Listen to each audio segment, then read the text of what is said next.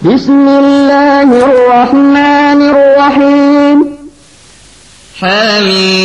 حميم تنزيل الكتاب من الله العزيز الحكيم అనంత కరుణామయుడు అపార కృపాశీలుడు అయిన అల్లాహ్ పేరుతో ప్రారంభిస్తున్నాను హామీం మహాశక్తివంతుడు మహావివేకవంతుడు అయిన అల్లా తరఫు నుండి ఈ గ్రంథం అవతరించింది ما خلقنا السماوات والأرض وما بينهما إلا بالحق وأجل مسمى والذين كفروا عما أنذروا معرضون మేము భూమిని ఆకాశాలను వాటి మధ్య ఉన్న సకల వస్తువులను సత్యం ప్రకారం ఒక ప్రత్యేక కాల నిర్ణయంతో సృష్టించాము.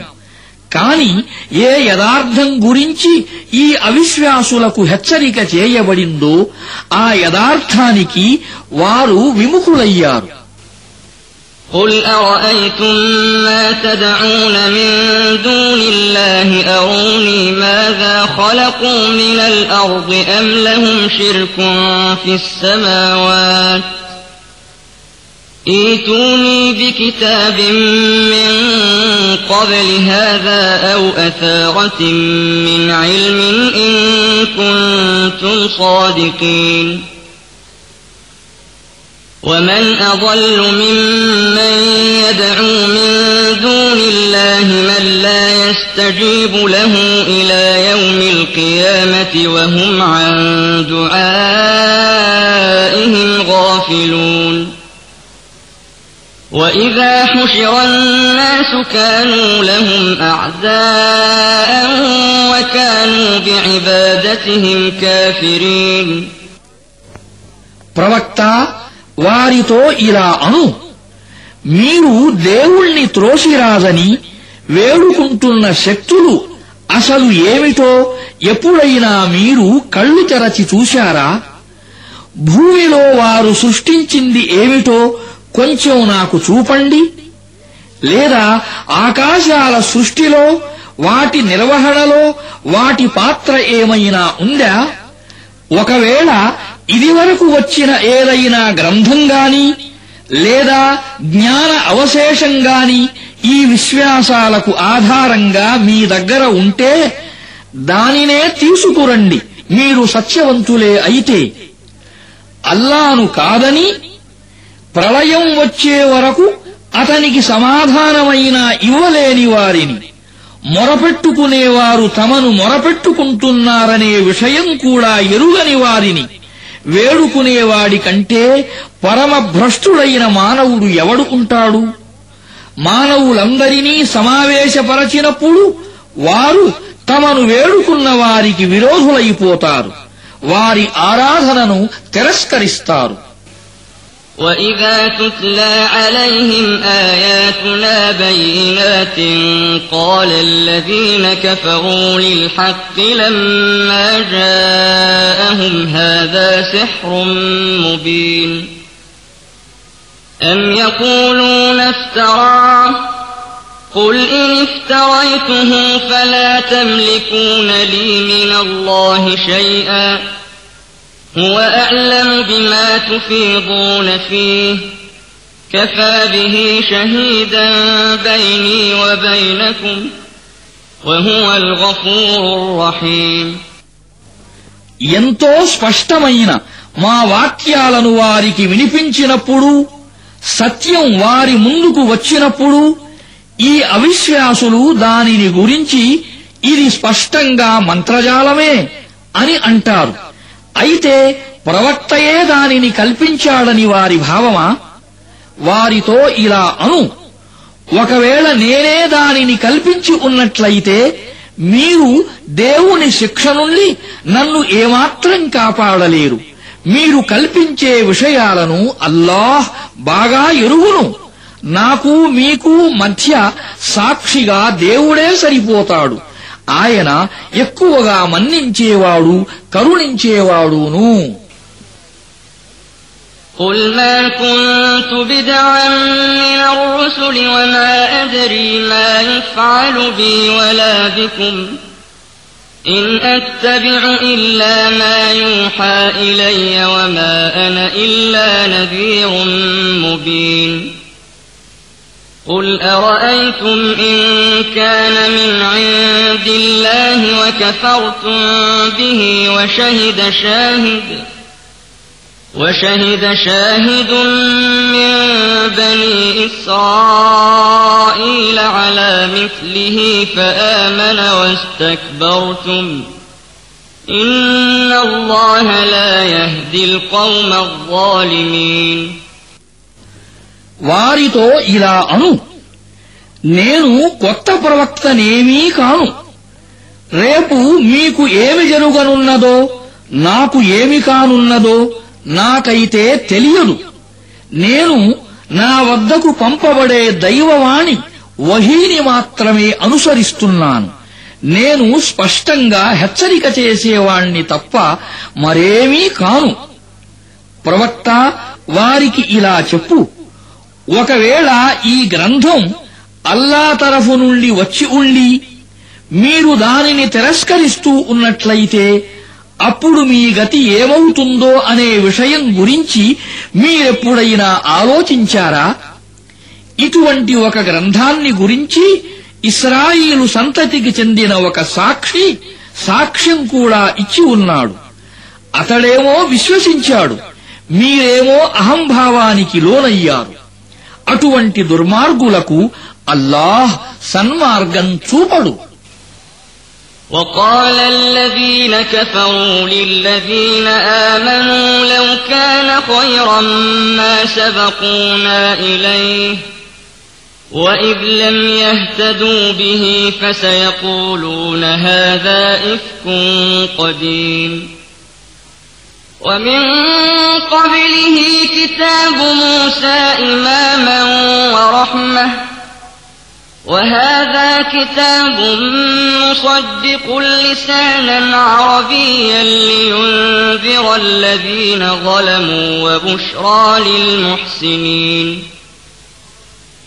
إن الذين قالوا ربنا الله ثم استقاموا فلا خوف عليهم ولا هم يحزنون أولئك أصحاب الجنة خالدين فيها جزاء بما كانوا يعملون విశ్వసించేందుకు తిరస్కరించిన వారు విశ్వసించే వారిని గురించి ఈ గ్రంథాన్ని విశ్వసించటం అనేది మంచి పనే అయితే వారు ఈ విషయంలో మాకంటే ముందుకు పోగలిగేవారు కాదు అని అంటారు. వారు దాని నుండి మార్గదర్శకత్వాన్ని పొందలేదు కాబట్టి ఇది పాత అబద్ధమే అని తప్పకుండా అంటారు. వాస్తవానికి ఇంతకు పూర్వం మూసా గ్రంథం మార్గదర్శిగా కారుణ్యంగా వచ్చేసింది. ఈ గ్రంథం దానిని ధృవీకరిస్తూ అరబ్బీ భాషలో వచ్చింది. దుర్మార్గులను హెచ్చరించటానికి సద్వైఖరి అవలంబించే వారికి శుభవార్తలు ఇవ్వటానికి నీ నిశ్చయంగా అల్లాయే మా ప్రభు అని ప్రకటించి దానిపై స్థిరంగా ఉండిపోయిన వారికి ఏ భయమూ లేదు. వారు దుఃఖించటమూ జరగదు అటువంటి వారే స్వర్గానికి పోయేవారు అక్కడనే వారు శాశ్వతంగా ఉంటారు ప్రపంచంలో తాము చేసిన పనులకు ప్రతిఫలంగా ووصينا الإنسان بوالديه إحسانا حملته أمه كرها ووضعته كرها وحمله وفصاله ثلاثون شهرا حتى إذا بلغ أشده وبلغ أربعين سنة قال رب أودعني أن أشكر نعمتك التي أنعمت علي وعلى والدي رب أودعني أن أشكر نعمتك التي أنعمت علي وعلى والدي وأن أعمل صالحا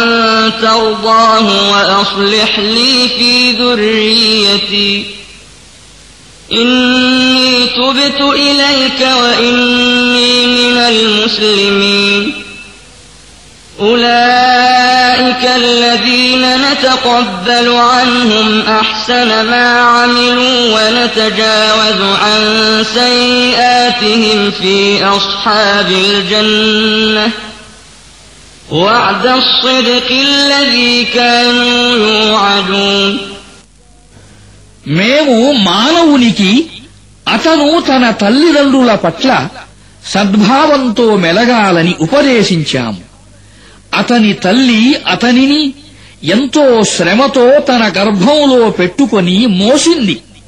ఎంతో శ్రమతోనే అతనిని కన్నది. అతనిని గర్భంలో పెట్టుకొని మోసేందుకు అతనిచే పాలు మాన్పించేందుకు ముప్పై మాసాలు పట్టింది. చివరకు అతను పరిపూర్ణ శక్తిని పొంది నలభై సంవత్సరాల వయస్సుకు చేరినప్పుడు ఇలా అన్నాడు.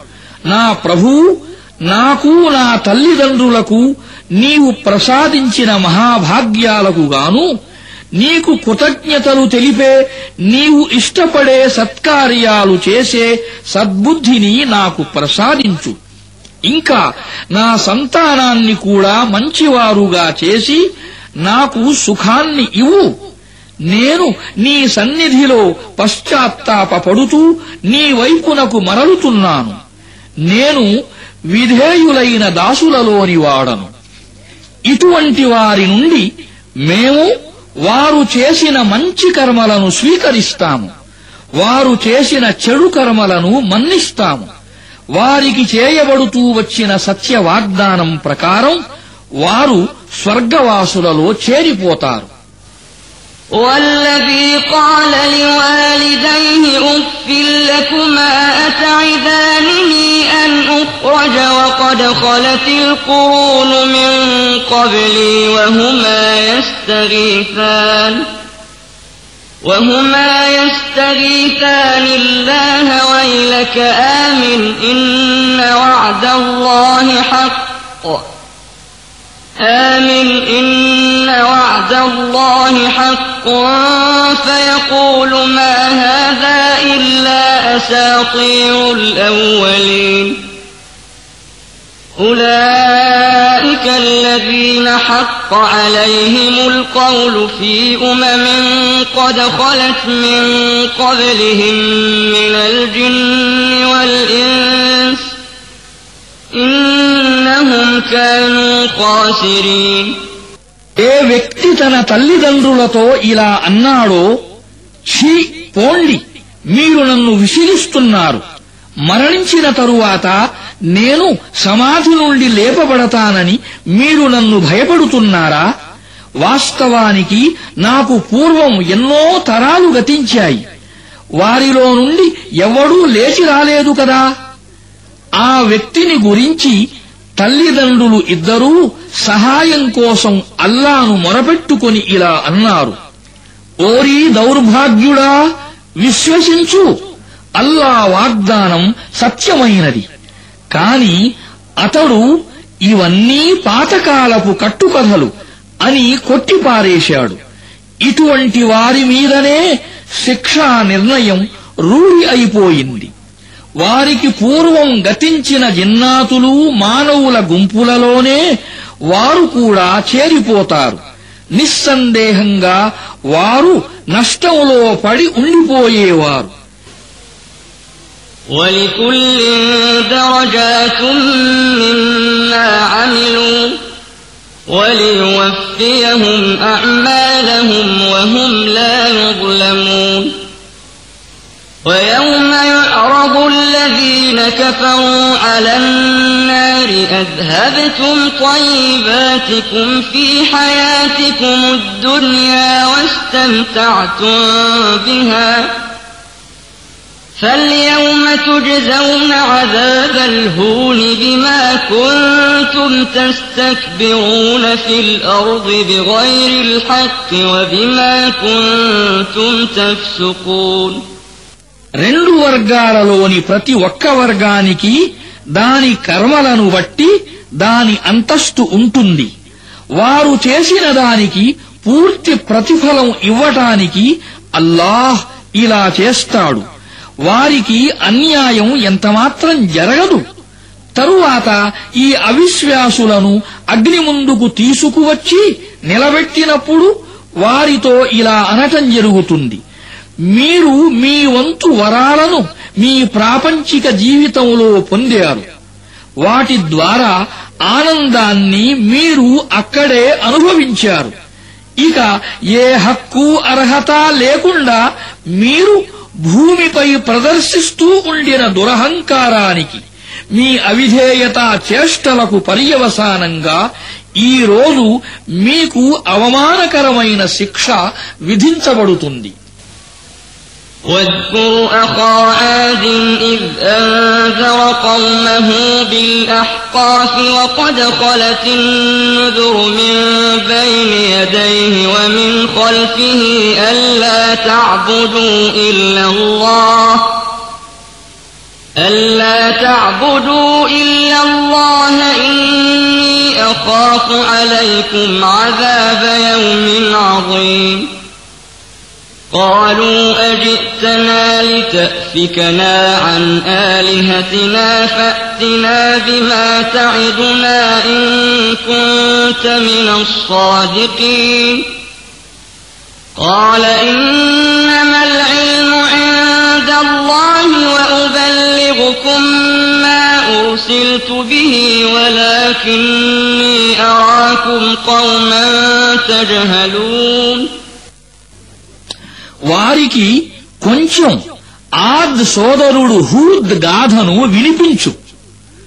అప్పుడు అతను ఇసుక గుట్టల మధ్య నివసించే తన జాతి వారిని ఇలా హెచ్చరించాడు. అలా హెచ్చరించేవారు అతనికి పూర్వం కూడా వచ్చారు అతని తరువాత కూడా వచ్చారు. అల్లాను తప్ప మరెవరినీ ఆరాధించకండి. మీ విషయంలో ఒక భయంకర దినాన విధించబడే శిక్షను గురించి నేను భయపడుతున్నాను. దానికి వారు ఇలా అన్నారు.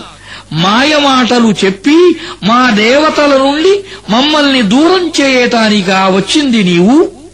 సరే మంచిది. నీవు సత్యవంతుడవే అయితే నీవు మమ్మల్ని భయపెడుతూ ఉన్నటువంటి ఆ శిక్షను తీసుకురా. అతను ఇలా అన్నాడు. దానిని గురించి అల్లాకు మాత్రమే తెలుసు ఏ సందేశాన్ని ఇచ్చి నన్ను పంపడం జరిగిందో ఆ సందేశాన్నే నేను మీకు అందజేస్తున్నాను కాని నేను గమనిస్తున్నాను మీరు అజ్ఞానులుగా ప్రవర్తిస్తున్నారు فلما رأوه عارضا مستقبل أوديتهم قالوا هذا عارض ممطرنا بل هو ما استعجلتم به. ريح فيها عذاب أليم. تدمر كل شيء بأمر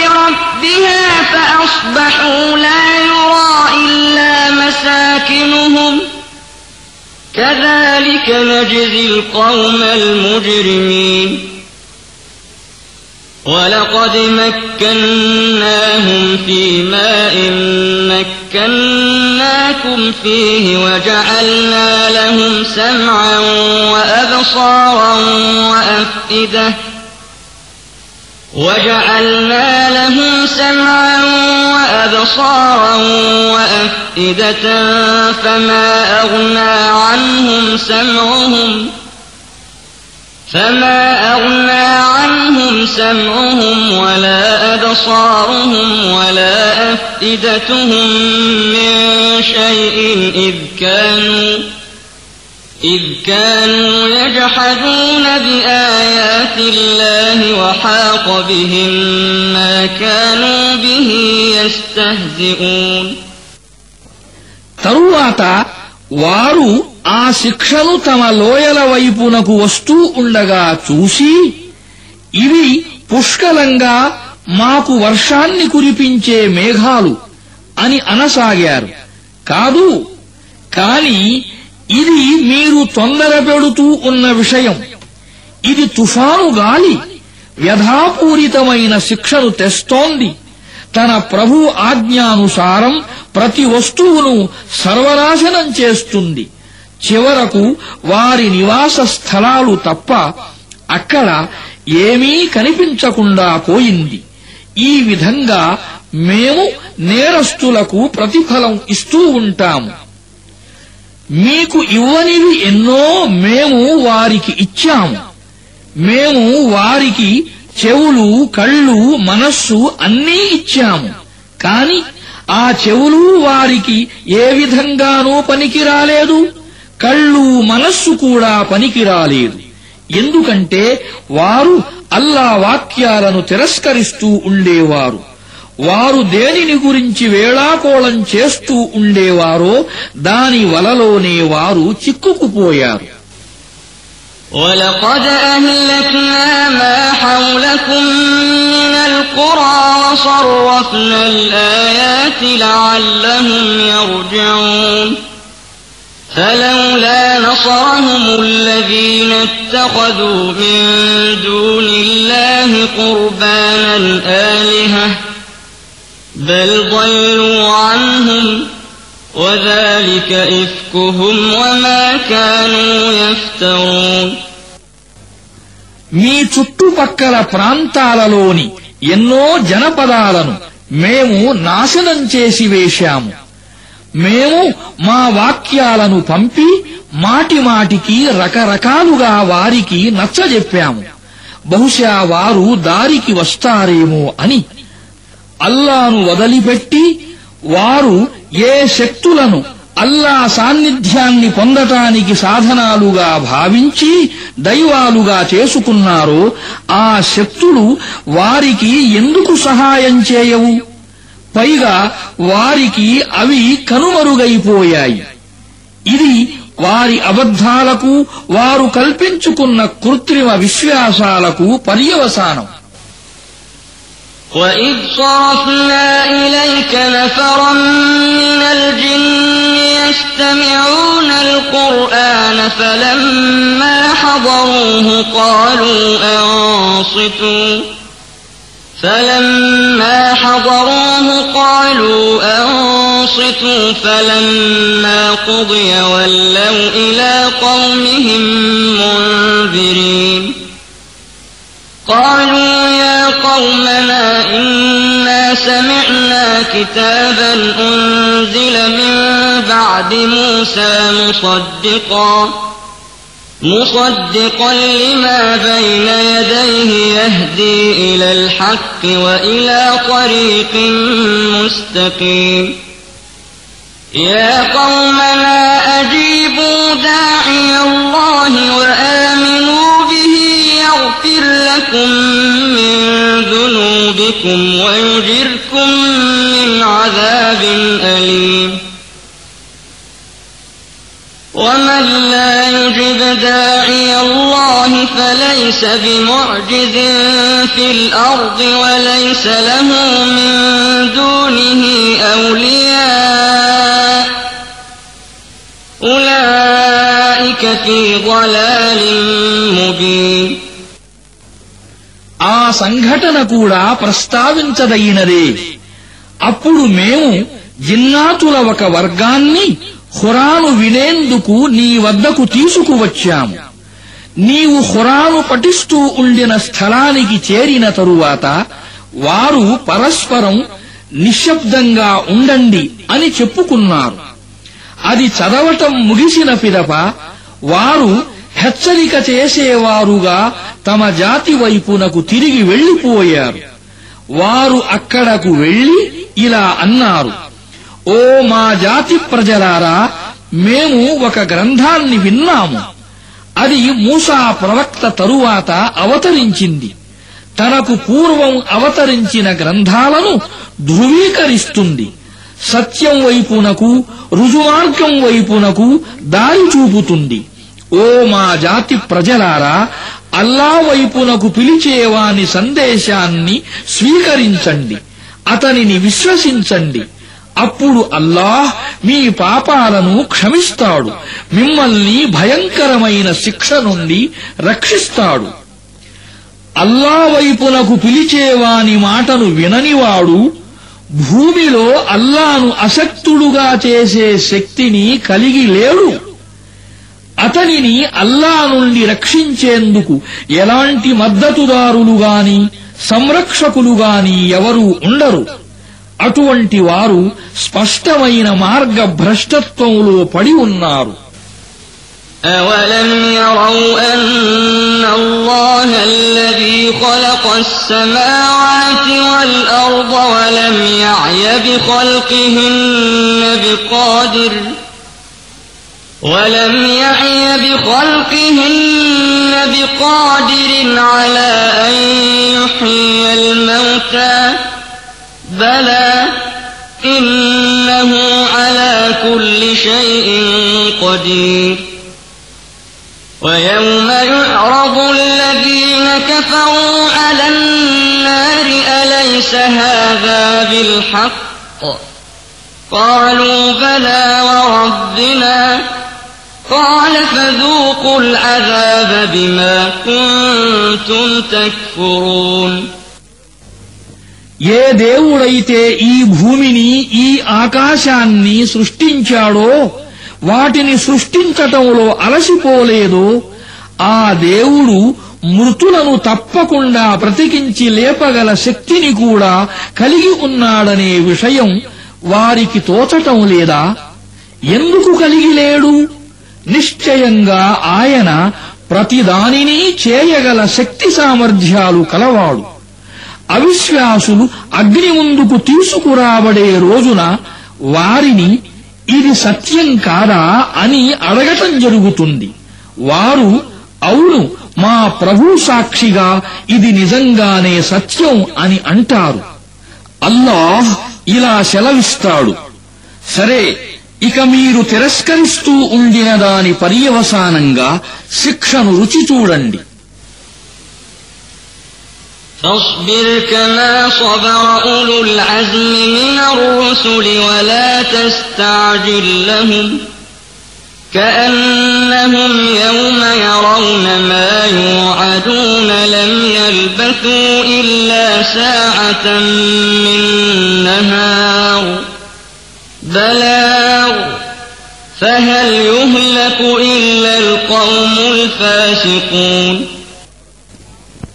కనుక ప్రవక్త సహనం వహించు దృఢచిత్తులైన ప్రవక్తలు సహనం వహించినట్లుగా వారి విషయంలో తొందరపడకు దేనిని గురించి వారిని ఇప్పుడు భయపెట్టటం జరుగుతోందో దానిని వారు చూసిన రోజున వారికి ప్రపంచంలో దినంలోని ఒక ఘడియ కంటే ఎక్కువ కాలం కూడా ఉండలేదు అని అనిపిస్తుంది.